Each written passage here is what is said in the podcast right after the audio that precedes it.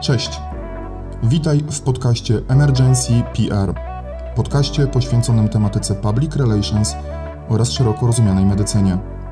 Ja nazywam się Adam Stępka i jestem specjalistą public relations oraz ratownikiem medycznym.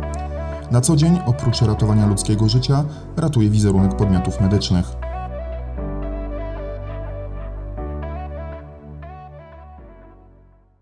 A dzisiaj z Karoliną Sibelską, kierowniczką Szkoły Ratownictwa Wojewódzkiej Stacji Ratownictwa Medycznego w Łodzi, rozmawiamy na temat tego, czy w szkole ratownictwa są szkolne dzienniki z ocenami, czym różni się ratownik medyczny od lekarza, na temat pokory w ratownictwie medycznym oraz tego, dlaczego instruktorzy szkoły bawią się resorakami.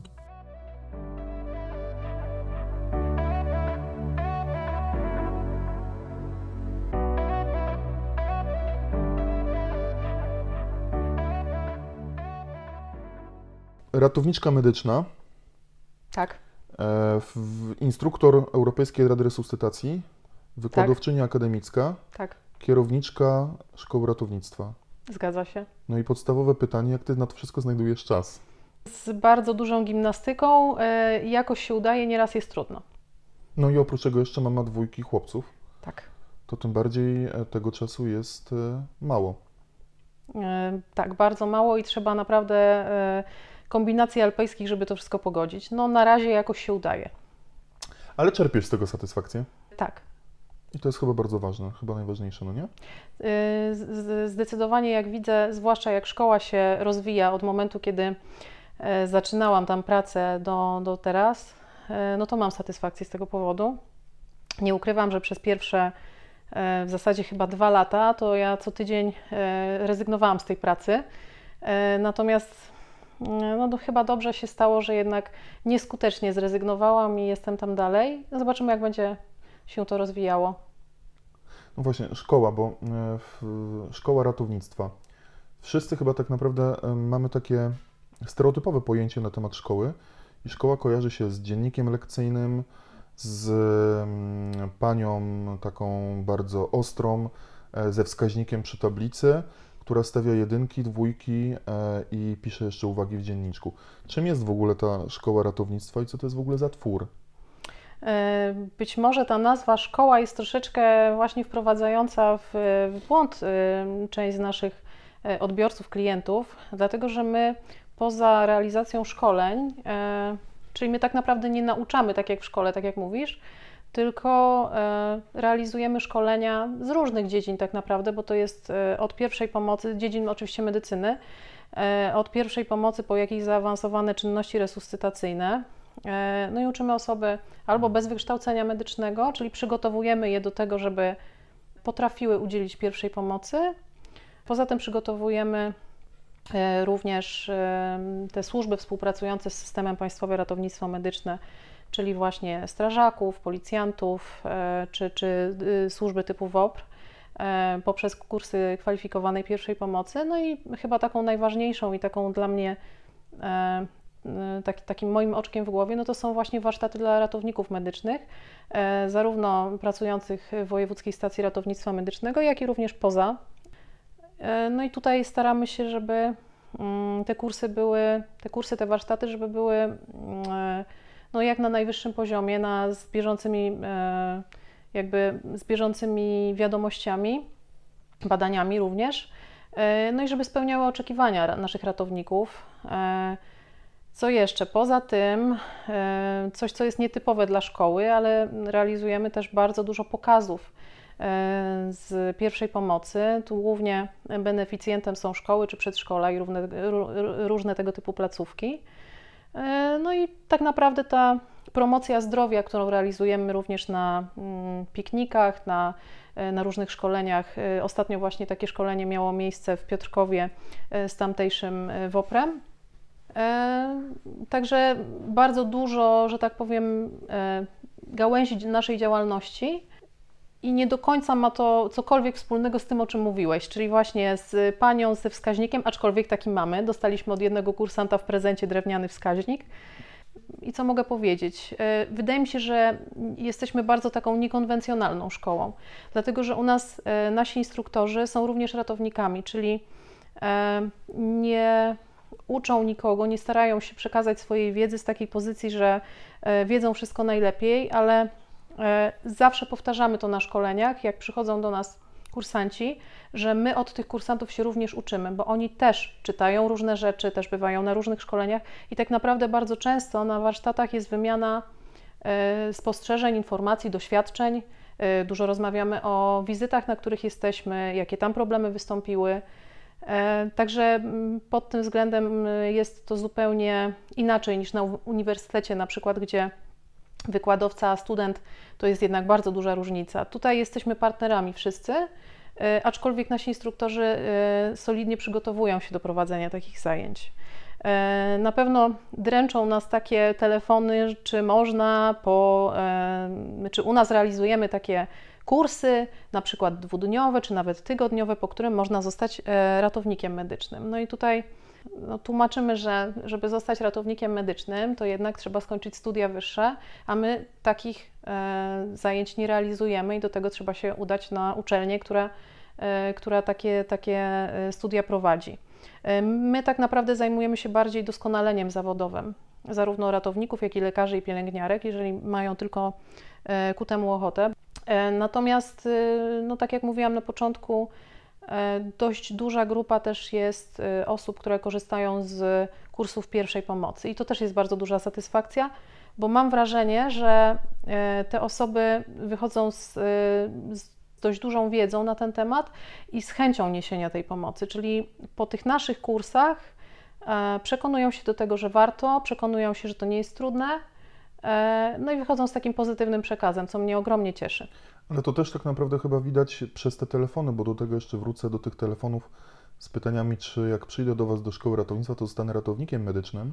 To chyba tak naprawdę pokazuje bardzo e, kiepską świadomość społeczeństwa na temat tego, kim jest ratownik medyczny, ratowniczka medyczna i na temat całego tego e, systemu, tak mi się wydaje, prawda? Tak, myślę, że tak. E, e, raczej chyba dalej w, w przekonaniu społecznym ten zawód ratownika to jest y, tak jakby takim czymś pomiędzy właśnie zawodem lekarza, sanitariusza. Tak naprawdę ludzie sobie nie zdają sprawy, że w tej chwili ratownicy medyczni e, są bardzo dobrze wykształceni, tak naprawdę mają jedne z większych uprawnień na całym świecie. E, również jeżeli chodzi o program nauczania, mają też myślę, że bardzo wywindowany i też myślę, że mają do E, zrealizowania bardzo dużo tematów z różnych dziedzin wiedzy, dlatego że e, lekarz, który ma specjalizację, no to najczęściej się zamyka w swojej specjalizacji, jest w tym świetny, ale tak naprawdę poza specjalizacją niezbyt wiele jest w stanie e, zrobić.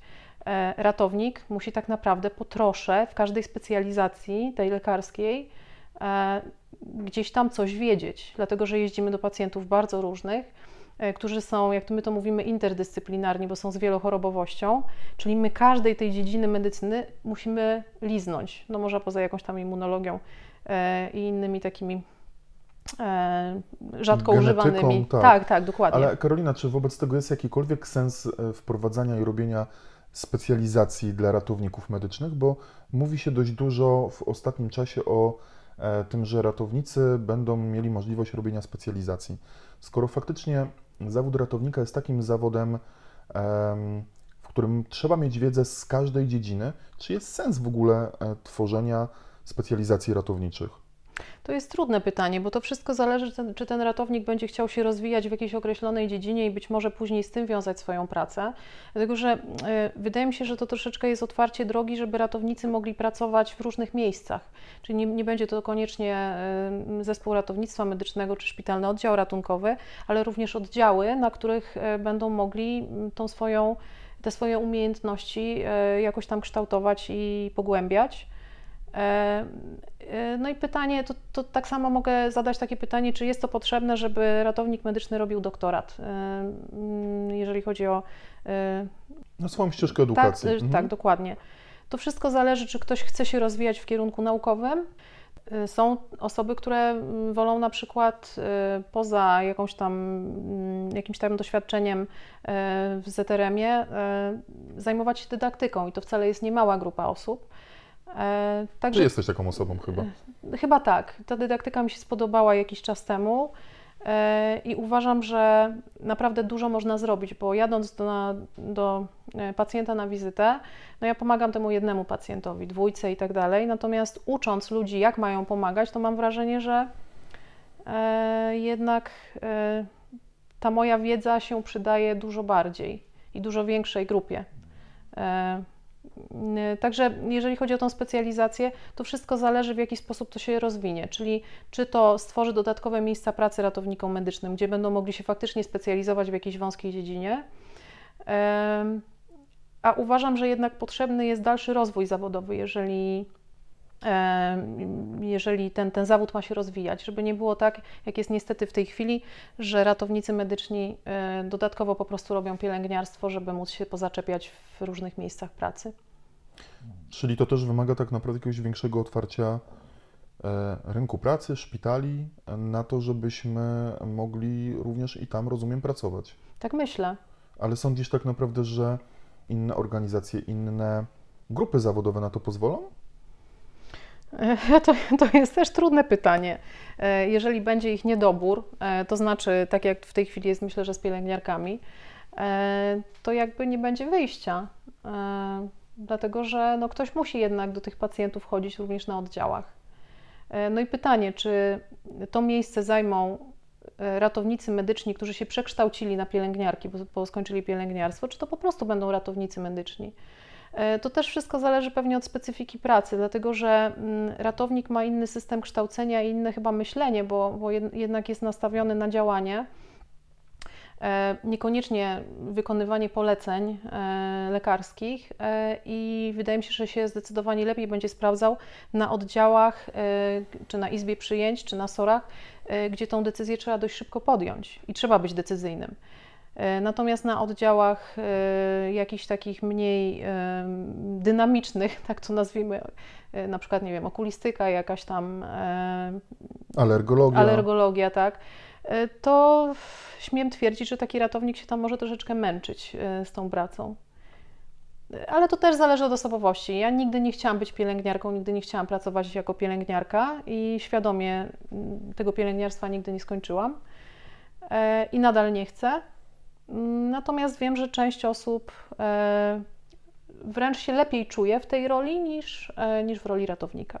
Tak, też znam e, takich ratowników. Sam chyba jestem taką osobą, która raczej nigdy nie pójdzie w kierunku pielęgniarstwa, ale znam też takich ratowników, którzy w momencie, kiedy zostali, skończyli pielęgniarstwo dodatkowo, stwierdzili, że to, to jest coś dla nich bardziej atrakcyjnego i to ratownictwo zostawili, poszli całkowicie w pielęgniarstwo. No faktycznie ludzie są różni i różnie te ścieżki mogą się potoczyć. Ale Karolina, wracając do szkoły, kto tworzy tą szkołę? E, dla mnie szkoła to przede wszystkim instruktorzy. Czyli e, osoby, które po pierwsze mają doświadczenie zawodowe, bo mi na tym bardzo zależy, żeby to doświadczenie zawodowe nie było mm, jakieś tam okazjonalne, czyli e, dajmy na to jeden dyżur na miesiąc, ewentualnie jakiś tam, e, czy, czy w ZRM-ie, czy w SOR, ale żeby to byli ludzie aktywnie pracujący, to po pierwsze. Najlepiej, jeżeli mają doświadczenie w różnych miejscach pracy, bo to, to zmienia troszeczkę punkt widzenia też. No i osoby, które po pierwsze chcą uczyć, i mają do tego umiejętności, czyli mają poza wiedzą, mają też zdolność przekazywania tej wiedzy, a to nie jest proste, bo znam całe mnóstwo osób, które ma ogromną wiedzę, natomiast totalnie nie mają talentu do jej przekazywania. Znajdujesz takie osoby w ogóle, które po pierwsze muszą e, jeździć w karetce i to sporo, skoro nie okazjonalnie, po drugie muszą mieć e, wiedzę i po trzecie muszą mieć umiejętności to są trzy czynniki i czy takie osoby się po prostu gdzieś da wyłuskać i da znaleźć, bo to jest dość trudne, szczerze powiedziawszy. Wyłuskać to jest doskonałe słowo. E, część instruktorów, która e, pracuje w szkole ratownictwa, e, była przeze mnie, można powiedzieć tak pół żartem, pół serią nękana wręcz przez wiele, wiele miesięcy, żeby jednak się zdecydowali na to, żeby, żeby przyjść pouczyć. E, dlatego że gdzieś tam ich dostrzegałam, e, czy na kursach, na które przychodzili do szkoły, e, czy, czy w pracy na ZRM-ie i uważałam, że się doskonale sprawdzą. I muszę powiedzieć, że w większości przypadków jednak się sprawdza to, że, że gdzieś tam chyba mamy nosa i wyłuskujemy takie osoby. Na pewno to nie jest proste, bo ta dydaktyka teraz, po pierwsze, dydaktyka jest trudna. E, uczenie ratowników medycznych jest bardzo trudne, bo uczenie pierwszej pomocy jest łatwiejsze, natomiast ratownicy medyczni, e, którzy przychodzą na, na kursy, też e, potrafią no, zadawać różne trudne pytania, niekoniecznie będące tematem akurat danego kursu, więc trzeba być e, przygotowanym na, na, z, różnych dziedzin, tak jak już wcześniej o tym mówiłam. E, więc nie jest to proste, żeby po pierwsze sprostać tym oczekiwaniom, gdzieś tam, żeby ten stres opanować i żeby mieć taki przekaz właśnie, że, że ci ludzie wychodzą e, z takim poczuciem, że się nauczyli czegoś, ale jednocześnie mm, z takim pozytywnym, bo chodzi mi o to, że można przyjść i prowadzić zajęcia, właśnie z e, takiego jakiegoś tam piedestału pod tytułem Ja wiem więcej od Was, Wy nic nie wiecie. Ale w moim przekonaniu wtedy taki kursant wychodzi z, tak, z takiego szkolenia z taką informacją w głowie: Boże, ja nic nie wiem. Jak ja trafię na taką wizytę, to nie daj Boże, bo ja nic nie wiem. A mnie bardzo zależy na tym, e, żeby jednak w szkole ten kursant, bez względu na to, jaki poziom reprezentuje, żeby wyszedł z, taki, z taką wartością E, dodaną pod tytułem Jednak wiem, jak sobie poradzić. Może nie świetnie, ale już wiem więcej, wiem lepiej. Będę przychodzić, żeby wiedzieć coraz więcej i coraz lepiej. Właśnie dydaktyka jest chyba taką e, rzeczą, w którą bardzo. To jest stąpanie po cienkim lodzie, bo z jednej strony można e, człowieka bardzo zdołować, tak jak powiedziałaś, właśnie takim podejściem ex katedra, że ja wiem lepiej, jestem Bogiem, tak? Wyobraź to sobie i, i w ogóle. No i pytanie, czy można się nauczyć tej dydaktyki w ogóle? Yy, na czy pewno. to musi być ktoś, kto się z tym urodził, jest od urodzenia mm, w, mm, nauczycielem, jako nie wiem, jako dziecko bawił się w szkołę i tak dalej e, i, i, i wyniósł to po prostu od najmłodszych lat? Czy to są umiejętności, które można, nie wiem, na jakichś szkoleniach, kursach doskonalić i się tego po prostu nauczyć. Y, myślę, że na pewno się trzeba tego nauczyć, bo nawet jeżeli ktoś się bawił w szkołę, to nie ma zdolności, znaczy nie ma umiejętności dydaktycznych, y, a to tak naprawdę jest dziedzina wiedzy bardzo trudna i bardzo dużo aspektów, aspektów psychologicznych y, tam występuje, które też trzeba poznać. E, trzeba umieć e, wyłuskać tych e, kursantów, którzy są gdzieś tam wycofani. Znowu trzeba umieć w jakiś sposób opanować tych, którzy są bardzo interaktywni i, przeszkadzają wręcz innym. Dlatego to, to, jest konieczność, żeby się tego nauczyć, ale jednocześnie ja mam wrażenie, że chyba trzeba lubić ludzi. Bo jeżeli się ludzi nie lubi, to chociażby się milion szkół skończyło, to nie, nie będziemy w stanie do nich dotrzeć nawet jeżeli przychodzi osoba, która widać, że no ten poziom nie ma na naj, najwyższych lotów, to jednak trzeba, dla mnie to jest zawsze duży sukces, jak ona e, kończy jakiś kurs i się okazuje, na przykład kurs doskonalący, i się okazuje, że od takiego naprawdę bardzo niskiego poziomu daje sobie radę ze scenariuszami, daje sobie radę z egzaminem w całkiem przyzwoity sposób. To jest ogromna satysfakcja, że jednak właśnie e, no, coś się da zrobić z każdym. E, dlatego myślę, że bardzo duża pokora do siebie, e, do swoich umiejętności e, jest konieczna. Poza tym właśnie nauczanie siebie dydaktyki cały czas. Ja myślę, że ja się cały czas nauczam tej, tej, tej, tej dydaktyki. E, mnie osobiście bardzo dużo dał kurs GIG, który prowadzi Europejska Rada Resuscytacji. Bardzo dużo mm, fajnych takich trików pokazują, jak sobie poradzić właśnie w różnych sytuacjach ale doświadczenie też tutaj jest ważne, bo, bo jednak e, im więcej się tych szkoleń prowadzi, tym ma się mm, styczność z, róż, z coraz więcej, mm, z, z, różnymi ludźmi i z dużą ilością tych osób. No i, i myślę, że przez to się też uczymy, przez kontakt z innymi ludźmi. Ale na pewno, tak jak mówię, trzeba mieć dużo pokory w sobie i y, też umieć się przyznać, że się czegoś nie wie. E, co my nieustannie robimy na naszych kursach, że e, jeżeli pada jakieś pytanie, na które my nie znamy odpowiedzi, to nie próbujemy wymyślić tej odpowiedzi na szybko, tylko mówimy: Słuchajcie, nie wiem do końca, muszę o tym doczytać. Ale jeżeli Wam coś przyjdzie do głowy, gdzieś tam znaleźliście, to proszę również, żebyście mnie dali znać. I tak się już zdarzyło mi kilkakrotnie, że się wymieniałam z kursantami jakimiś tam linkami do, do różnych badań. E, no i to chyba właśnie na tym polega. Ale to chyba całe ratownictwo wymaga takiej pokory, bo e, wydaje mi się, że im, im dalej w las, tym więcej drzew. I w momencie, kiedy człowiek wgryza się w to ratownictwo, jest w tym ratownictwie, nie wiem, piąty, dziesiąty, piętnasty e, 16 rok pracuję zawodowo, to jednak dostrzega się to, że mm, medycyna nie jest jednorodną taką nauką, gdzie wszystko jest od kreski do kreski i, i dwa razy dwa równa się cztery, prawda? Absolutnie. E, Ja bym powiedziała, że z każdym rokiem mojej pracy coraz więcej, y, coraz więcej rzeczy mnie potrafi zaskoczyć. E, I tak jak kiedyś e, ten algorytm, który trzeba było stosować, był prosty, tak teraz się okazuje, e, że jest tyle wyjątków, na które trzeba zwrócić uwagę. E, Nie wiem, chociażby taka rzecz. W życiu by mi nie przyszło do głowy, że pacjent z zatrzymaniem krążenia może mieć szczękościsk, a zdarzyło mi się już to trzykrotnie e, gdzie pacjent z zatrzymaniem krążenia, z asystolią, bez żadnego wrzutu, e, miał utrzymujący się szczękościsk. E, Coś, co nie wiem, czy nawet w książkach jest opi- opisywane. Druga rzecz, syndrom Łazarza, który też jest y, ponoć w promilach liczony, też już dwukrotnie miałam okazję obserwować. E, Także trzeba mieć e, to, co Ty mówisz, bardzo dużo pokory i im więcej się ma doświadczenia, e, ale przyjmuje się też te, mm, to doświadczenie właśnie z takim zrozumieniem, czyli nie, nie na zasadzie, że mm, jadę na wizytę, coś tam się wydarzyło, ale ja nie analizuję tego głębiej, tylko, tylko jednak wyciągam wnioski z tego, to tym, tym bardziej, tym więcej znak, znaków zapytania w głowie się robi. Ja jestem przekonana, że nie ma jednego doskonałego algorytmu na przeprowadzenie jakiejkolwiek wizyty, tylko jest e, bardzo dużo niuansów, które właśnie poznajemy z tokiem pracy, doświadczenia e, i również dokształcania się. Tak, no ja pamiętam jak w 2005 roku w- pracowaliśmy razem na Sorze, pracowaliśmy, byliśmy na wolontariacie na, na Sorze, to, to był okres mojego życia, gdzie byłem przekonany, że o tam ratownictwo. Algorytm ALS-u, tak, algorytm leczenia w, w astmo skrzelowej, ciach, bach i wszystko po, e, po sprawie. To naprawdę trzeba chyba doświadczenia do, nabrać jakiegoś, żeby dojść do wniosku, że ta medycyna ratunkowa nie kończy się na pierwszej stronie podręcznika od ALS-u i, i ostatniej stronie wytycznych Europejskiej Rady Resuscytacji. Ale czy nie zauważasz, że ten taki brak pokory pokutuje u e, młodych ratowników?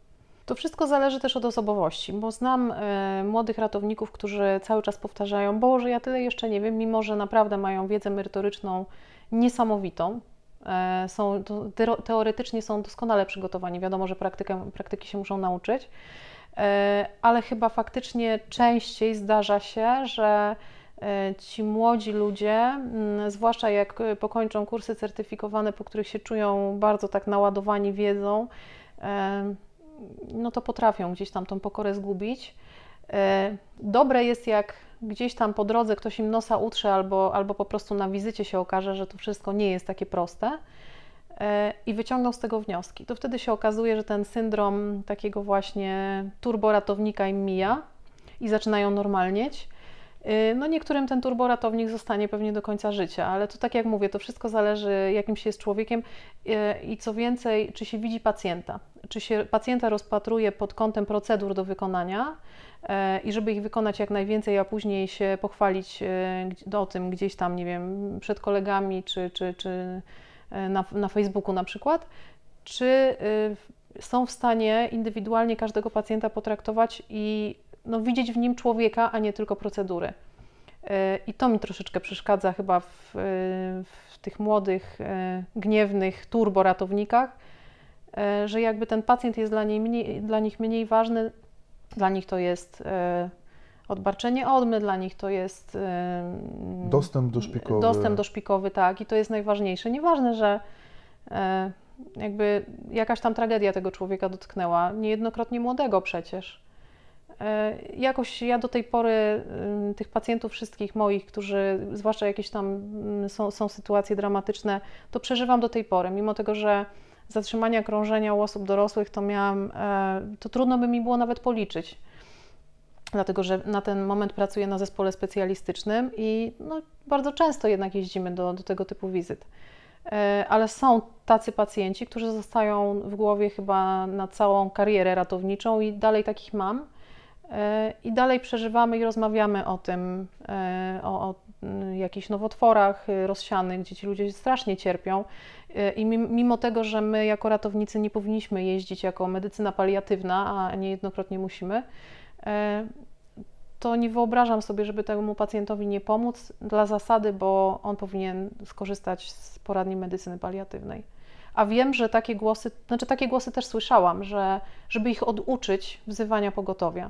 E, Dla mnie to ktoś się pomylił w doborze e, zawodu, jeżeli coś takiego mówi i tak myśli. Tak, bo czy to nie wynika czasami, no bo też masz e, epizod w swoim życiu, który jeszcze bodajże trwa wykładowca akademickiego? E, Już nie. Już nie, no Już. ale ten epizod był.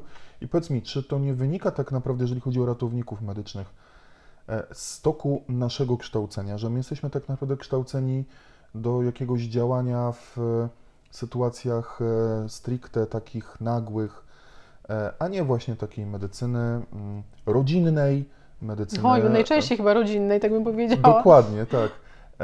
A nie do medycyny właśnie takiej paliatywnej, takich stanów mniej e, ostrych. Czy to nie wynika właśnie z, tych, z tego rozdźwięku pomiędzy tym, do czego jesteśmy kształceni, a do czego faktycznie jeździmy? To myślę, że y, bardzo dużo, dlatego że y, ja sama pamiętam jako młody ratownik, gdzie miałam głowę nabitą y, teorią. Dodatkowo jeszcze poza tym wol- wolontariatem, na którym razem byliśmy, ja przychodziłam na, na taki wolontariat na zespół ratownictwa medycznego. I, I miałam ogromne oczekiwania w ogóle, gdzie to my nie będziemy jeździć, nikomu to nie będziemy pomagać. I jest tak duże zderzenie z rzeczywistością, jak się faktycznie zaczyna pracować e, gdzie ja miałam, jeżdżąc na zespole podstawowym jako kierownik zespołu, miałam taki moment, gdzie w ogóle chciałam zrezygnować z tej pracy, w ogóle z, pracy w medycynie. E, Byłam tak zniechęcona tymi wizytami właśnie e, POZ-owskimi albo zbieraniem różnych napitych panów leżących w różnych konfiguracjach i w różnych, w różnych miejscach. Pań nieraz też, ale panowie się częściej zdarzali. E, Że, że może tak być, że my nie mamy takiego myślenia, e, żeby mm, właśnie tego pacjenta, który jest e, przewlekle chory, żeby też umieć i spróbować leczyć. No ale póki co nie ma żadnego innego rozwiązania, żeby ten system dzia- zadziałał inaczej. E, System e, podstawowej opieki zdrowotnej jest niewydolny. System leczenia e, nowotworów i takiego leczenia paliatywnego czy przewlekłego jest też niewydolny. Kolejki do specjalistów są ogromne, więc tak naprawdę ci ludzie dzwonią po pogotowie, bo nie mają często innych możliwości. I zwłaszcza to było widać w trakcie epidemii, gdzie mm, dostęp do lekarzy, do specjalistów był dramatycznie trudny. I często ci, star, ci starsi ludzie byli pozostawieni samym sobie. No to e, jeżeli ten człowiek e, nie ma innej możliwości, no to jak my możemy mieć do niego jakiś żal i pretensje? Czyli też trzeba chyba troszeczkę spojrzeć szerzej, a nie tylko przez e, czubek własnego, na czubek własnego nosa, że ja chcę jeździć tylko do jakichś tam dramatów, e, skoków, nie wiem, z czwartego piętra, czy, czy wypadków e, komunikacyjnych z dużą liczbą poszkodowanych. Tak, najlepiej masowych. Tak, Najlepiej no masowych, tak, to będzie fajnie, pokażą mnie w telewizji albo gdzieś tam na portalach społecznościowych. Ja myślę, że trzeba być do tego przygotowanym i to zawsze powtarzam na moich kursach, które ja prowadzę, że słuchajcie, jeżeli e, wiecie, wiecie sami, do czego jeździmy, czyli jedziemy do takich stanów, które, do których niepotrzebna jest jakaś wyrafinowana wiedza medyczna, tego pacjenta trzeba zbadać, e, trochę poleczyć w domu, zawieźć do szpitala, na tym koniec. Tylko pamiętajcie o tym, że jeżeli chcecie być ratownikami pełną gębą i chcecie jeździć do tych takich właśnie poważnych ratowniczych wizyt, to bądźcie na to przygotowani. A często jest tak, e, że te wizyty takie POZ-owskie usypiają nas, naszą czujność. I jak już się w końcu trafi ta resuscytacja, to nagle się okazuje, że nawet ten głupi algorytm, który każdy powinien mieć z nas w jednym palcu, gdzieś tam trochę coś tam się może zapomina, trochę brak y, tej logistyki, e, nie mówiąc już o jakichś tam y, bardziej, bardziej wyrafinowanych ratowniczych działaniach, typu właśnie jakaś tam urazówka ratownicza. E, Dlatego myślę, że tutaj jest potrzebna duża pokora, czyli utrzymywać ten poziom wiedzy, żeby nam się przydał na tych naszych ratowniczych wizytach, no ale jednak e, wykonywać ten zawód no, tak, jak, tak jak musimy, nie, nie mamy innego wyjścia. No i chyba tak naprawdę też dobre e, badanie pacjentów, bo nie wiem, e, czy, czy też masz takie przekonanie, takie, za, takie spostrzeżenia, że część tych objawów potrafimy jednak bagatelizować. Oj tak, zdecydowanie. I później y, jednak jak jest jakaś tam diagnostyka w szpitalu pogłębiona, to okazuje się, że ten pacjent jest bardziej chory niż nam się wydawało. Dobrze by było, żebyśmy my mieli taką stałą wiedzę o pacjentach i w takich miastach, y, gdzie na przykład jest jeden szpital wielospecjalistyczny, tak jak jest to w Zgierzu, gdzie ja pracowa- gdzie zaczynałam pracować y, w ZRM-ie, to ja miałam od razu dostęp do wiedzy o pacjencie, co się dalej z nim dzieje. I to bardzo dużo wnosiło do, y, do mojej wiedzy, do umiejętności właśnie badania, bo potrafiłam to, co ja zbadałam, od razu z, skonfrontować z tym, co, co udało się w szpitalu dobadać My również do tej pory staramy się dowiadywać, co z danym pacjentem się wydarzyło. I tak jak Ty mówisz, umiejętność dobrego badania i co ja, ja jeszcze dodam, zbierania wywiadu porządnie. Bo ja uważam, że to bardzo kuleje, a ktoś mi kiedyś powiedział, że wywiad to jest 80% sukcesu diagnostycznego i gdzieś tam, może nie zawsze to jest 80%, ale w dużej mierze y, jesteśmy się mnóstwo w stanie dowiedzieć Y, o, y, o dolegliwości, o dolegliwościach pacjenta, tylko trzeba umieć zadawać odpowiednie pytania, czyli trzeba umieć tropić, takim być trochę detektywem. Oczywiście wiadomo, że będziemy popełniać błędy, no ale to każdy błąd powinien nas czego, czegoś uczyć, każdy pacjent powinien nas czegoś uczyć. Jedynie co wydaje mi się, że można zbagatelizować w jakich sytuacjach. Po pierwsze, takie zmęczenie materiału pod tytułem: O Boże, kolejny raz jadę od, yy, nie wiem, do, do, do bólu brzucha od trzech tygodni. Po co ja tam jadę? To po pierwsze, właśnie z tego powodu, że oczekuje się fajerwerków, a mamy, yy, no powiedzmy, takie niewielkie zimne ognie. E, a... Bardzo dobre porównanie. Fajerwerki, a mamy e, niewielkie zimne ognie. Okej. Okay. Więc, więc to z tego powodu. A druga rzecz, e, uważam, że mm, nasza grupa zawodowa też się przepracowuje. I ja sama na sobie sprawdziłam to wiele razy, że w momencie przepracowania ma się takie nerwy na pacjenta, że gdzieś tam ten proces diagnostyczny przebiega trochę inaczej niż jak człowiek jest wypoczęty, czyli przepracowywanie się E, też będzie i usypiał naszą czujność, e, i będziemy mieli wtedy skłonność do bagatelizowania. Ja na pewno mogę o sobie powiedzieć, że tak jest, mhm. E, dlatego staram się mm, jednak nie przekraczać jakiejś takiej granicy, która by mogła szkodzić pacjentom. I, I, to jest chyba najważniejsze, żeby tak ratownicy wszyscy działali, żeby pacjentom nie szkodzić, również właśnie w, pod względem ilości swojej pracy. A jak można opanować wobec tego to? to przepracowywanie, no bo chyba to, że zakażesz, e, nie wiem, człowiekowi brać e, iluś tam dyżurów pogotowiu, to też nie załatwia sprawy tak naprawdę. Nie, no bo on pójdzie do szpitala przecież. Dokładnie, jak nie do szpitala, to do POZ-u, jak nie do POZ-u, to otworzy własną firmę i będzie, nie wiem... Transporty i... robią medyczne chociażby, tak? Dokładnie. E, ja nie znam na to, nie, nie znam na to rozwiązania, dlatego że to też i znowu tutaj ta osobowość. Albo człowiek chce być dobrym w tym, co robi i ja zawsze wychodziłam z takiego założenia, tak jestem wychowana, tak moje dzieci wychowuję, że cokolwiek by się robiło, nawet jeżeli to jest zamiatanie podłogi, to trzeba to zrobić porządnie. A jeżeli będę miała do zamiecenia tysiąc podłóg, no to nie zrobię tego porządnie, bo się nie wyrobię w czasie.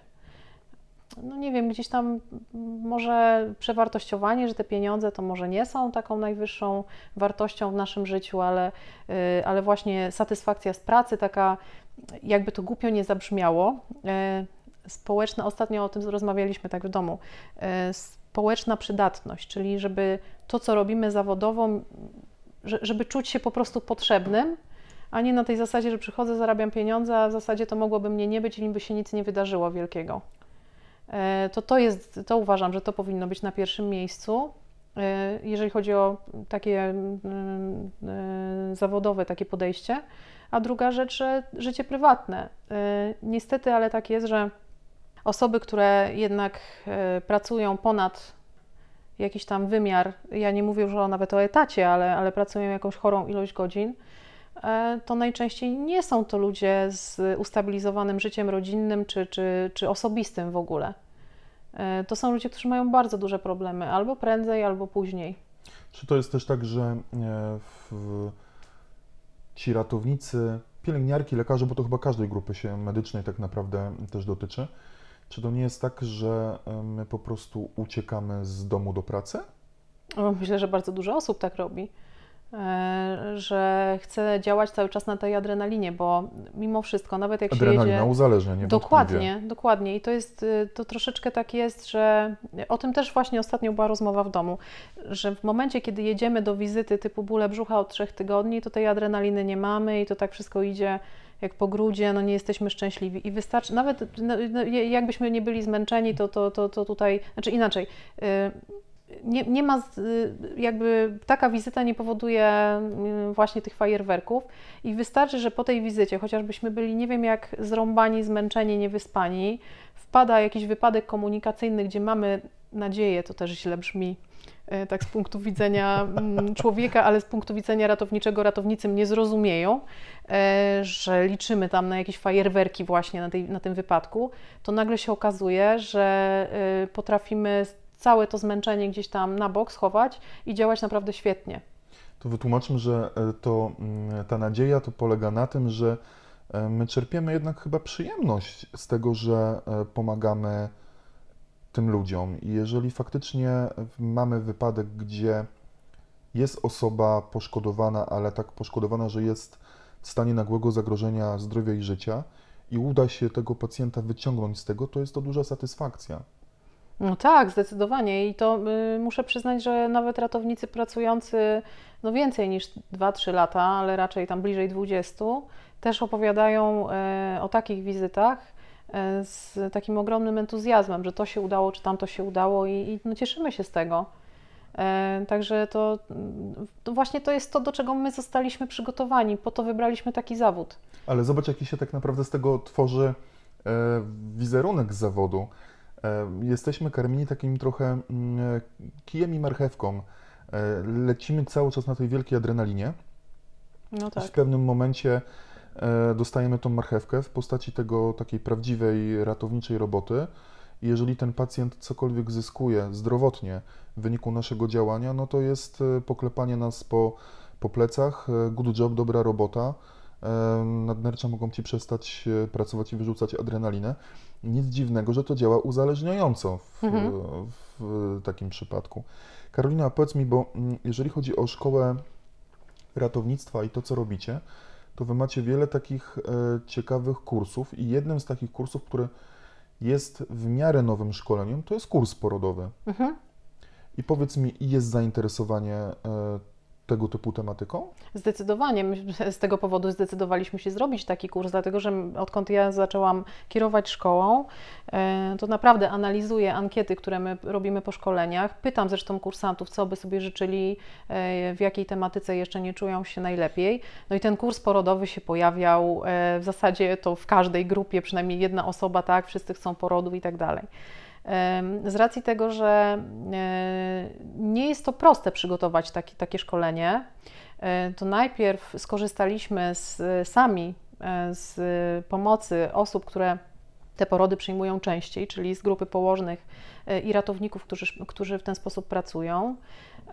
Zebraliśmy od nich dość dużo informacji i postanowiliśmy taki kurs zrealizować u nas. Na początek to był kurs, e, znaczy to, to były godziny do wyrobienia na kursie doskonalącym dla ratowników medycznych, bo tam jest taka tematyka. E, no ale uznaliśmy, że tak się to ludziom spodobało i oni by chcieli więcej, że zrobimy cały jeden kurs po prostu z tego, taki trwający 6 godzin, gdzie rozbudowaliśmy te, te, ten, ten właśnie KDRM-owski program. Wprowadziliśmy więcej scenariuszy, wprowadziliśmy kaniulację pępowiny, takie, takie warsztaty, znaczy zajęcia również z upowietrzniania płuc. Y, no i cieszy się naprawdę dużym powodzeniem. Najczęściej to y, w ciągu kilku, kilkunastu minut te miejsca na te porody się bardzo rozchodzą. Zwłaszcza, że mamy niewielkie grupy ćwiczeniowe, bo tam jednak zależy nam na tym, żeby każdy przećwiczył, przyjął ten poród, powspomagał tego świeżorodka i porobił te wszystkie rzeczy E, tak praktycznie, nie tylko wysiedział i wysłuchał teorii. Także ja jestem osobiście dumna z tego, e, z tego szkolenia i cały czas się staramy udoskonalać. E, jakieś tam pomysły nam przychodzą. Nawet ostatnio tak rozmawialiśmy, że może jakąś checklistę zrobić odnośnie pytań, które trzeba zadawać ciężarnym, bo do tych porodów nie jeździ się aż tak często, a już do takich porodów, gdzie faktycznie ten poród trzeba przyjąć w domu, e, to już myślę, że ekstremalnie rzadko. Zdarza się, że 30 lat ktoś pracuje i ani razu przy porodzie nie był. Tak, najczęściej są to wizyty, gdzie ciężarna jest już spakowana w e, torby i oczekuje tylko przewiezienia do Tak, szpitala. dokładnie, jest- czyli jedziemy jako taksówka. Natomiast y, zdarzają się również y, porody nagłe, nawet u niekoniecznie wieloródek, bo my to sobie tak wyobrażamy, a dobra, siódma ciąża, no to pewnie dla wtedy.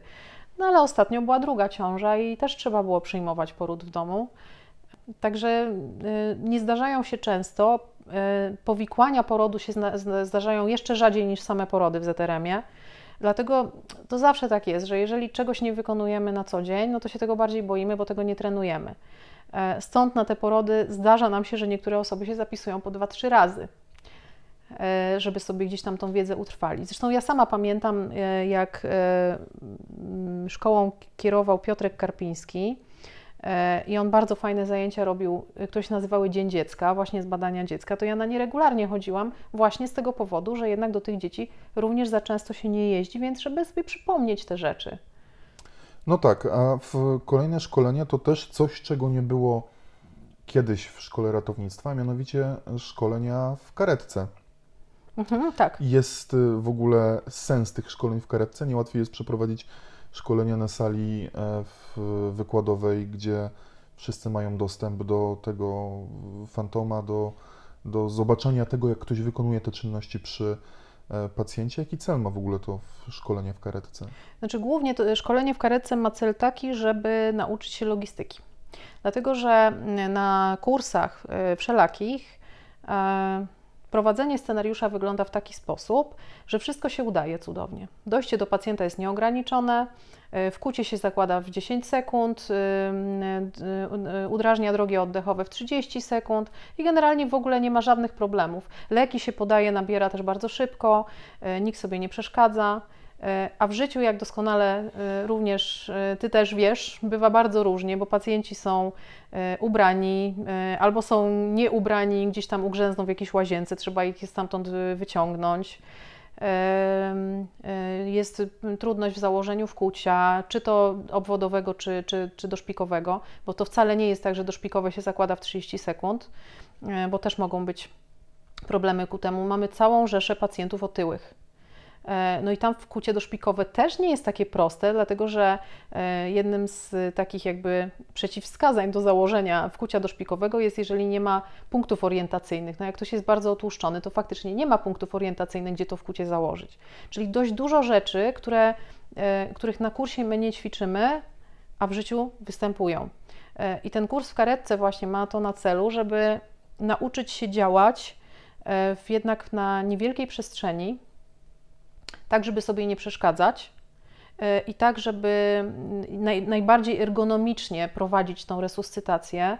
E, Ten grzech śmiertelny, o którym ja zawsze mówię, że nie wolno prze- przerywać uciskania klatki piersiowej, a to też e, chcę dodać, że nie każdemu pacjentowi można założyć masażer, bo tutaj też są ograniczenia, chociażby wagowe.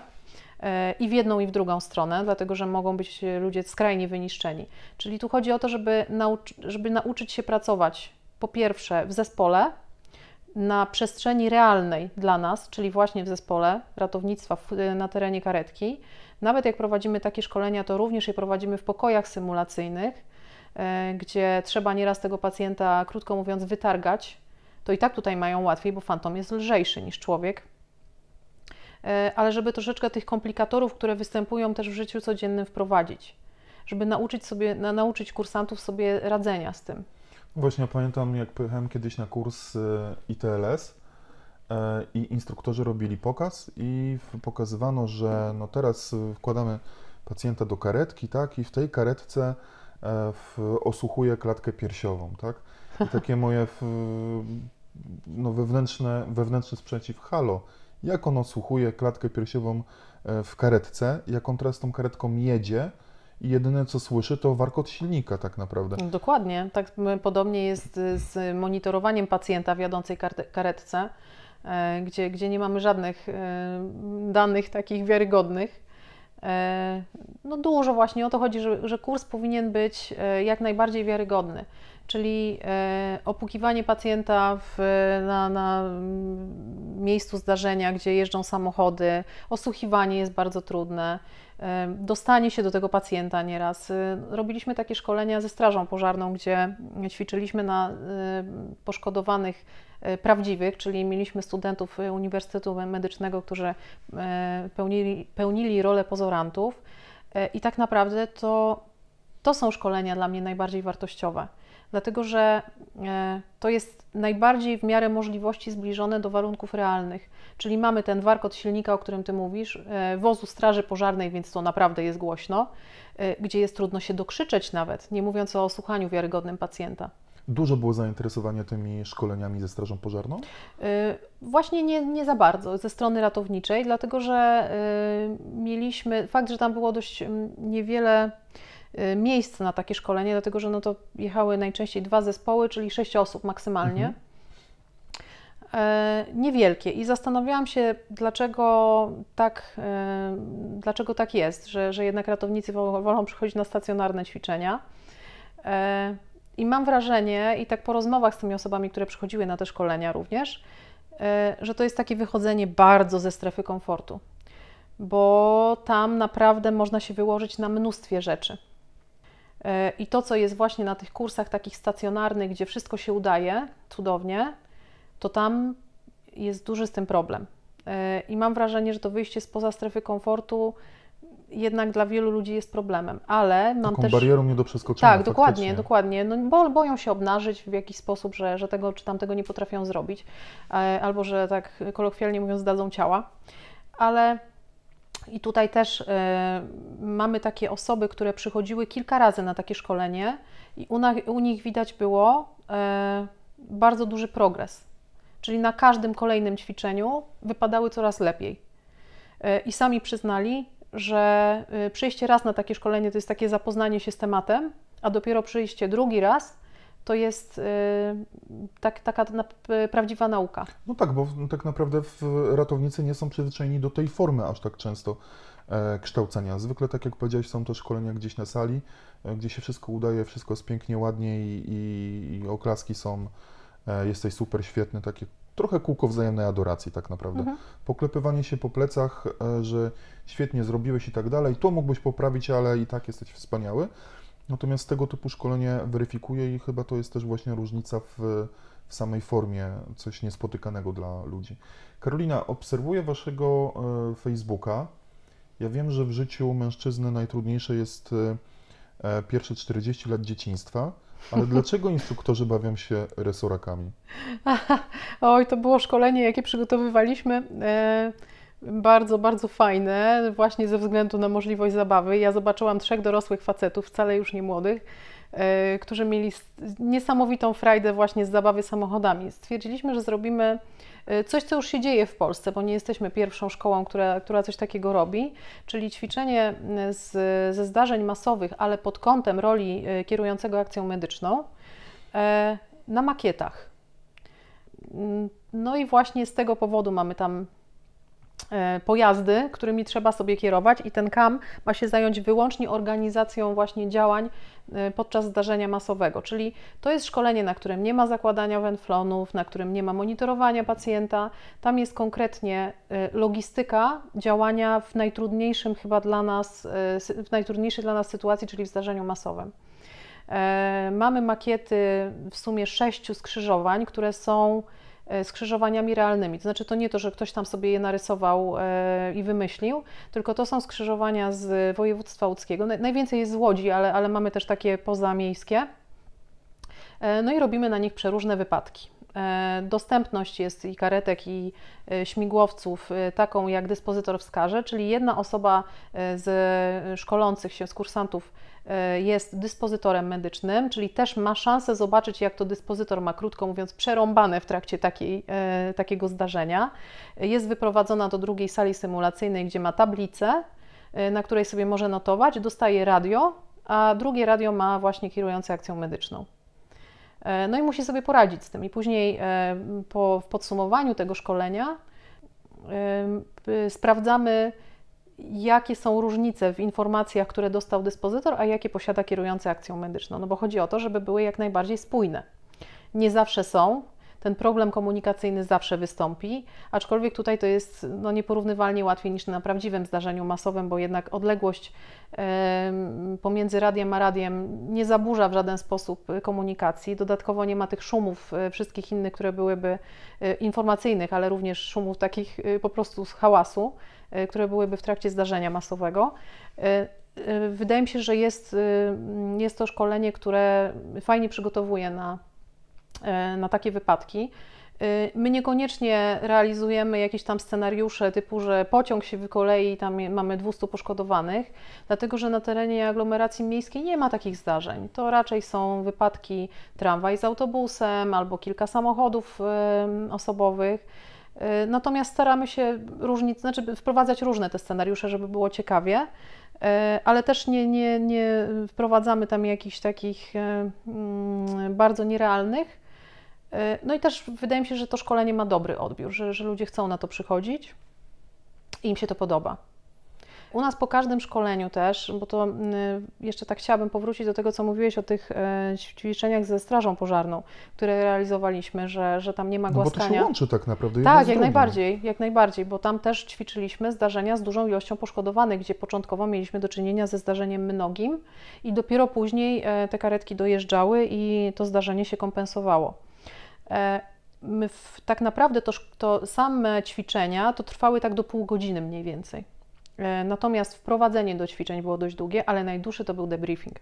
Dlatego, że w debriefingu nikt nie dostał po uszach, że dał ciała tak czy owak, e, tylko było szukanie rozwiązań. Dlatego, że każde z tych zdarzeń, mimo że my wprowadzaliśmy dokładnie taki sam scenariusz na przykład, to okazywało się, że w zależności od tego, jak podziałała Straż Pożarna, czy nasze zespoły jak przyjechały, no to jakby inne y, wychodziły problemy. E, w związku z tym w tym debriefingu była rozmowa e, zarówno strażaków, jak i ratowników o tym, w jaki sposób następnym razem w takiej sytuacji trzeba by było postąpić, żeby do tego poszkodowanego dojść szybciej, żeby go zabezpieczyć w inny sposób itd. Tak itd. Czyli tak Mówisz tak naprawdę o... taka mhm. burza mózgów. Mówisz o rozmowie strażaków i e, zespołów ratownictwa medycznego i chyba to też jest, było jedno z niewielu szkoleń, które w sposób realny e, uczyło współpracy jednej służby z drugą, prawda? Że to nie były jakieś pokazy gdzieś tam, nie wiem, z okazji jakichś e, obchodów święta czy czegoś, czy jakiegoś wojewódzkiego happeningu, gdzie trzeba było zorganizować tak zwane ćwiczenia rozpisane co do każdej e, sekundy, co trzeba w której Z komentatorem sekundzie. jeszcze. Dokładnie, jak najbardziej. Nie, to, to, to mogę powiedzieć, że tutaj jestem dumna z tego powodu, że odkąd y, pracuję w Szkole Ratownictwa Medycznego, nie zorganizowała szkoła żadnego e, kursu ani szkolenia e, w formie pokazu. Y, takiego, jeżeli chodzi o warsztaty, bo ja nie mówię o pokazy pierwszej pomocy, tak. ale o warsztaty jakieś dla ratowników czy właśnie strażaków. Owszem, no mieliśmy okazję brać udział w tego typu ćwiczeniach, jeżeli zostaliśmy zaproszeni do takich. Natomiast nasze ćwiczenia zawsze są zaskoczeniem zarówno dla części y, naszych ratowników, znaczy dla naszych ratowników, jak również dla, dla strażaków.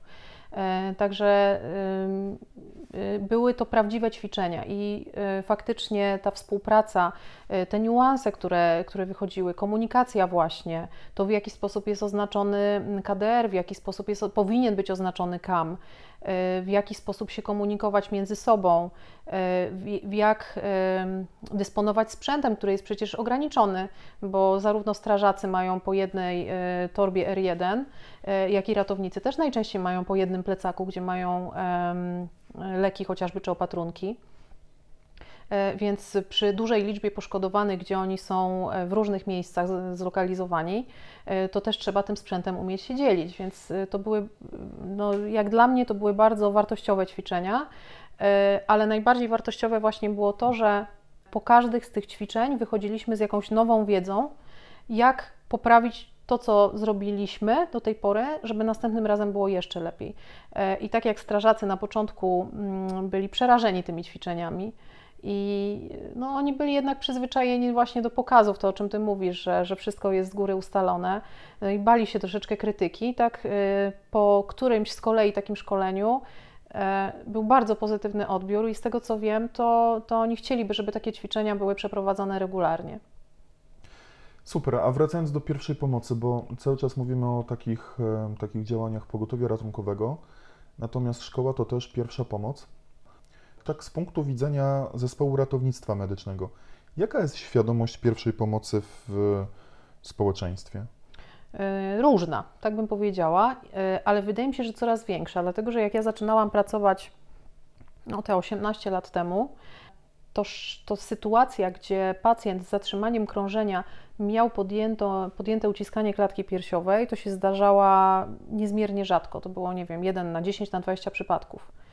E, nawet wśród rodziny, bo ja już nie mówię o jakichś tam przechodniach, a w tej chwili jest odwrotny procent, czyli teraz się rzadko kiedy zdarza, że nie jest podejmowana ta resuscytacja, albo przynajmniej właśnie te uciskania klatki piersiowej. E, także ludzie próbują coś robić, natomiast w dużej mierze jeszcze nieumiejętnie. No dalej pokutuje e, jakieś takie nieumiejętne tamowanie krwotoków, jakimiś różnej maści pastkami, sznurkami itd. Tak e, nadal gdzieś tam ta, ta padaczka i w ogóle wystąpienie drgawek jest takim tematem, gdzie ludzie sobie nie zdają sprawy, jak powinni postępować. Nadal, jeżeli chodzi o temat zadławień, jest to, e, jest, jest to taki, taka dziedzina, w której też nie wiedzą, jak sobie radzić.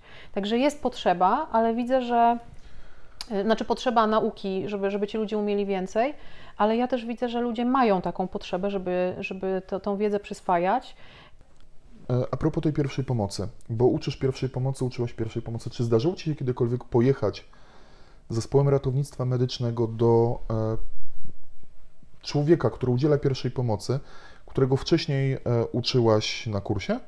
Nie, ja nie miałam takiej okazji, ale słyszałam e, o wielu takich sytuacjach, gdzie e, któryś z moich instruktorów opowiadał, że został później wyściskany, wycałowany przez kogoś i zdaje się, że to jeszcze była sytuacja domowa, czyli to, nie, to, to była osoba bliska dla, dla tej osoby, która została nauczona przez instruktora pierwszej pomocy.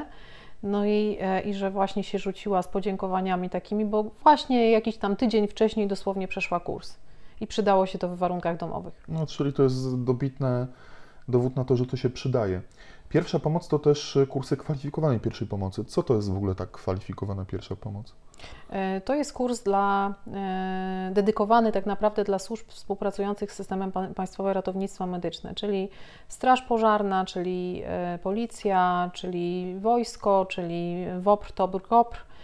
I tak naprawdę mm, wszystkie grupy zawodowe, które mają w ramach swoich obowiązków wpisane udzielanie pierwszej pomocy również. Czyli mogę zapisać się tak z marszu z miasta, przyjść do Was puk, puk, dzień dobry, chciałem się zapisać na kurs kwalifikowanej pierwszej tak, pomocy. Tak, każdy, każdy obywatel, że tak powiem, może się zapisać na kurs pierwszej pomocy, y, musi mieć skończone 18 lat i musi mieć, e, zdaje się, że w tej chwili chyba nawet nie ma obowiązku, że, e, że musi mieć obywatelstwo polskie, ale musiałabym to sprawdzić, bo to w dobie e, różnych tutaj uwarunkowań politycznych wiem, że to się chyba zmieniało.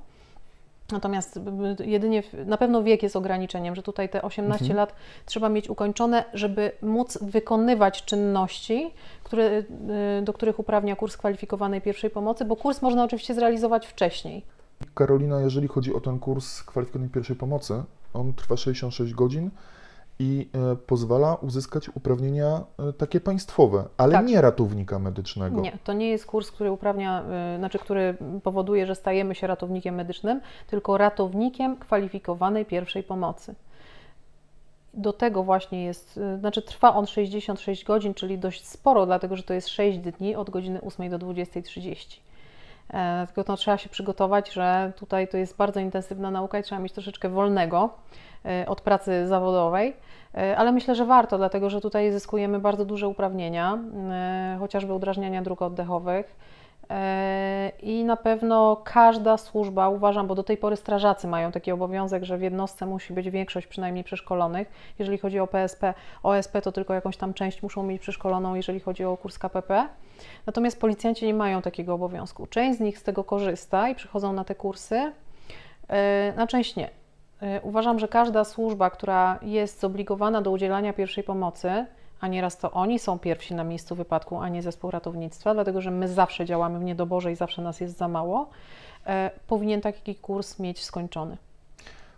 A co zmieniłabyś w programie tego kursu? Oj, Pytam, bardzo bo- dużo, bardzo dużo. No właśnie, bo ja wiem tak naprawdę, że ten, em, że ten kurs jest, nie chcę powiedzieć, że kontrowersyjny, e, bo nie jest kontrowersyjny, ale program jest e, niedostosowany chyba do warunków tak naprawdę takich realnych, tego co się dzieje, prawda?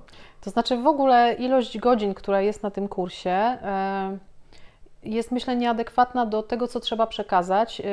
Jest bardzo dużo zajęć teoretycznych, zupełnie jest, jest zbędne, żeby taką ilość teorii e, ludziom próbować wkładać w głowę. e, Przy Dlatego, czym że wyjaśnijmy, wejdę w słowo, że e, tak naprawdę ten świat dydaktyki medycznej odchodzi bardziej od nauczania teoretycznego, takiego jak z katedra, Mhm. właśnie w kierunku nauczania praktycznego. jasne. Doskonałym przykładem są kursy ERC-u, Europejskiej Rady Resuscytacji, które chyba nawet zrezygnowały w chwili obecnej całkowicie z wykładów, prawda? Tak, w ogóle nie ma tam wykładów. E, I przyznam, że na tym kursie kwalifikowanej pierwszej pomocy, to ci ludzie po dniu wykładowym nie sądzę, żeby byli lepiej przygotowani do tego, co im chcemy przekazać na ćwiczeniach. A spokojnie można by było e, to, te godziny, które właśnie mm, spędzamy na wykładach, e, przełożyć na większą ilość ćwiczeń. E, Co więcej, nie wiem z jakiego powodu mm, w programie na taki temat bezpieczeństwo własne i tak dalej jest e, przeznaczona aż 3 godziny. E, Dlatego, że zupełnie nie jest to potrzebne, żeby omawiać o bezpieczeństwie własnym, e, gdzie musimy powiedzieć, jakie środki ochrony osobistej trzeba, e, trzeba użyć, co może nam zagrażać, żeby, żeby to, to trwało aż, aż tyle godzin. Za to na inne tematy jest tych godzin zwyczajnie zbyt mało. E, Także mam nadzieję, że jednak ten program kursu zostanie zmodyfikowany e, i stanie się bardziej przyjazny dla kursantów i dla instruktorów i będzie powodował, że no zwyczajnie ci ludzie wyjdą z e, wiedzą praktyczną, a nie ze spuchniętą głową. Bo oni tak naprawdę, w zasadzie to wszyscy mówią, kursanci, że dopiero na ćwiczeniach oni zyskują jakąś wiedzę. Teoria ich przeraża. E, Pierwszy dzień e, szkoleniowy to jest, e, zwłaszcza ta pierwsza część dnia szkoleniowego, to jest system Państwowe Ratownictwo Medyczne. No, nie uważam, żeby to było jakoś tam ważne, żeby, żeby uczyć się tych ustaw. Jeżeli Mega ktoś, potrzebna do udzielania kwalifikowanej pierwszej pomocy, prawda? tak, tak, tak w ogóle to w ogóle wydaje mi się, że nie jest potrzebne. Zwyczajnie można byłoby to ograniczyć do jakichś takich aspektów prawnych, które są, są ważne i odwołać tych ludzi, że jeżeli chcą pogłębić swoją wiedzę z, z tej dziedziny, to spokojnie mogą sobie taką czy taką ustawę czy rozporządzenie przeczytać. No tak. E, A sama organizacja e, właśnie systemu Państwowe Ratownictwo Medyczne, czy, czy organizacja w- jednostek współpracujących z systemem, e, to naprawdę to tak wy- wydaje mi się, że jednym uchem im wpada, drugim im wypada i tak o tym nic nie wiedzą. Podobnie jest na kursach doskonalających dla ratowników medycznych, gdzie jest e, dużo zbędnych rzeczy, a rzeczy, które e, mamy, z którymi mamy do czynienia na co dzień są pominięte. A co to jest ten kurs doskonalący dla ratowników medycznych? Y, To jest kurs y, w ramach kształcenia ustawicznego, czyli y, w każdym okresie edukacyjnym, pięcioletnim w przypadku ratownika medycznego, y, taki kurs należy odbyć. On trwa 48 godzin, jest rozłożony na 6 dni i za niego jest 120 punktów edukacyjnych. Y, On jest przewidziany, program tego kursu jest przewidziany rozporządzeniem na, na temat właśnie tego kursu. E, No i tak jak mówią, stanowi obowiązek kształcenia ustawicznego, realizację obowiązku kształcenia ustawicznego dla ratowników medycznych. My takie kursy również prowadzimy. E, Natomiast no, mamy dużo uwag do, do tematyki tego kursu. Właśnie też jest przeładowany e, zbędną teorią, organizacją systemu, e, która nie jest potrzebna, e, a znowu tematyka z mm, chociażby z e, resuscytacji dzieci ma zająć nam półtorej godziny, a, a nie ma w ogóle stanów zagrożenia życia u dzieci, co nieporównywalnie częściej się zdarza niż zatrzymanie krążenia. Powiedziałeś, że organizujecie też ten kurs doskonalący ratownika medycznego.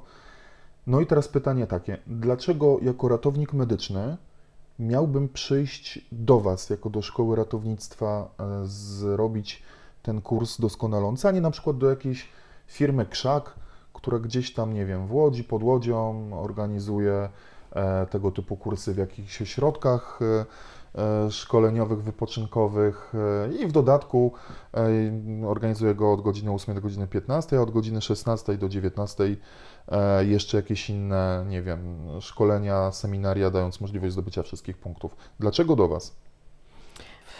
Ja mogę tylko powiedzieć, że bardzo się przygotowaliśmy do tego kursu, czyli poza tym, że realizujemy ten program, który musimy zrealizować, to ten kurs jest wypchany dosłownie co do minuty e, dużą ilością treści, która interesuje ratowników medycznych e, i która im się przyda. Każdy, każda tematyka tak naprawdę jest e, na podstawie aktualnych, nawet nie wytycznych, ale i badań. Czyli przedstawiamy różny punkt widzenia, mamy dużo ćwiczeń, Czyli nie tylko jest to gadanina, e, realizujemy scenariusze, które każdy z nas kiedyś tam w życiu przerabiał albo chciałby przerabiać. E, czyli nie realizujemy standardowego zatrzymania krążenia, ale wprowadzamy jakieś tam, krótko mówiąc, komplikatory, żeby właśnie być przygotowanym na te fajerwerki, o których wcześniej rozmawialiśmy. E, a dodatkowo hmm, wydaje mi się, że to, to, co na wszystkich naszych kursach ma miejsce, e, czyli Y, ten instruktor jest y, kumplem również. To nie jest, to nie jest ktoś, kto, kto będzie właśnie ex katedra nauczał, ale to jest człowiek, który mówi: Słuchajcie, no ja też tak pracuję, ja też, też pracuję razem z Wami, obok Was i tak dalej, i wymieniamy się tutaj wiadomościami. I to też chyba, co jest plusem szkoły, tak jak patrzę, to właśnie instruktorzy, bo i Kasia E, która była kierowniczką szkoły, przecież człowiek z mega doświadczeniem i z olbrzymią wiedzą, Michał, e, który jest, e, nie powiem, że starym instruktorem, bo bym go może jakoś tam obraził, ale jest doświadczonym tak. instruktorem Europejskiej Rady Resuscytacji, który zęby zjadł na nauczaniu ludzi. Jest przecież Krzysiek Kotliński, który w internetach ratowniczych jest znany i jest strasznie zapalony, zakręcony na punkcie urazówki i tym podobnych rzeczy. Oj, nie tylko, on jest w ogóle obczytany w każdych badaniach. Ja mam wrażenie, że jak się tylko ukaże badanie, to Krzysiek je za 10 sekund zna. E, być może tak, być może ma w domu ściany wytapetowane e, w PubMedem i innymi tego typu portalami, faktycznie. Mm, no i, i, i Ślimak, mhm. też osoba zakręcona na punkcie ratownictwa. Więc to nie są raczej osoby z przypadku, prawda? Nie są. Również ci młodzi, którzy, którzy zasilili nasze szeregi, to też są ludzie, którzy są takimi właśnie ratolami e, zakręconymi, którzy lubią to ratownictwo i też mają taką e, zdolność przekazywania wiedzy, ale również mają taką osobowość fajną, że potrafią do tych ludzi dotrzeć. Nie mamy żadnego mruka. Mam takie wrażenie, że wszyscy są raczej uśmiechnięci i z takim dobrym nastawieniem. E, ja mam wrażenie, że każdego potrafią nauczyć. I to o to chyba chodzi. Nie, że nie, nie tylko te, te, te, osoby, które się chcą uczyć, bo nie trudno jest taką osobę nauczyć, ona się sama nauczy. I to jest chyba dobre hasło reklamowe dla szkoły. Każdego potrafimy nauczyć. Mhm. Tak myślę, że tak jest. E, że trzeba znaleźć taką formułę, żeby każdy kursant wyszedł z większą wiedzą niż przychodził. Czyli co? Czyli tak naprawdę zapraszamy e, w zasadzie wszystkich do szkoły ratownictwa. Nie tylko e, ratowników, nie tylko pielęgniarki, nie tylko lekarzy, ale także i osoby bez wykształcenia medycznego. Jak najbardziej mają do dyspozycji kursy kwalifikowanej pierwszej pomocy. No i pierwszą pomoc, z tym, że pierwszą pomoc realizujemy dla grup zorganizowanych mhm. E, czyli e, dla, dla firm, dla instytucji, ale tutaj też mamy dość dużą grupę odbiorców i co jest też naszą ogromną satysfakcją, że ci, którzy już raz u nas byli na, na kursie, to do nas wracają po latach, jak ten certyfikat im wygaśnie i ewentualnie szkolą kolejną grupę pracowników. Czyli to świadczy o tym, że im się raczej podobało. Super, Karolina, bardzo Ci dziękuję za spotkanie i możliwość rozmowy.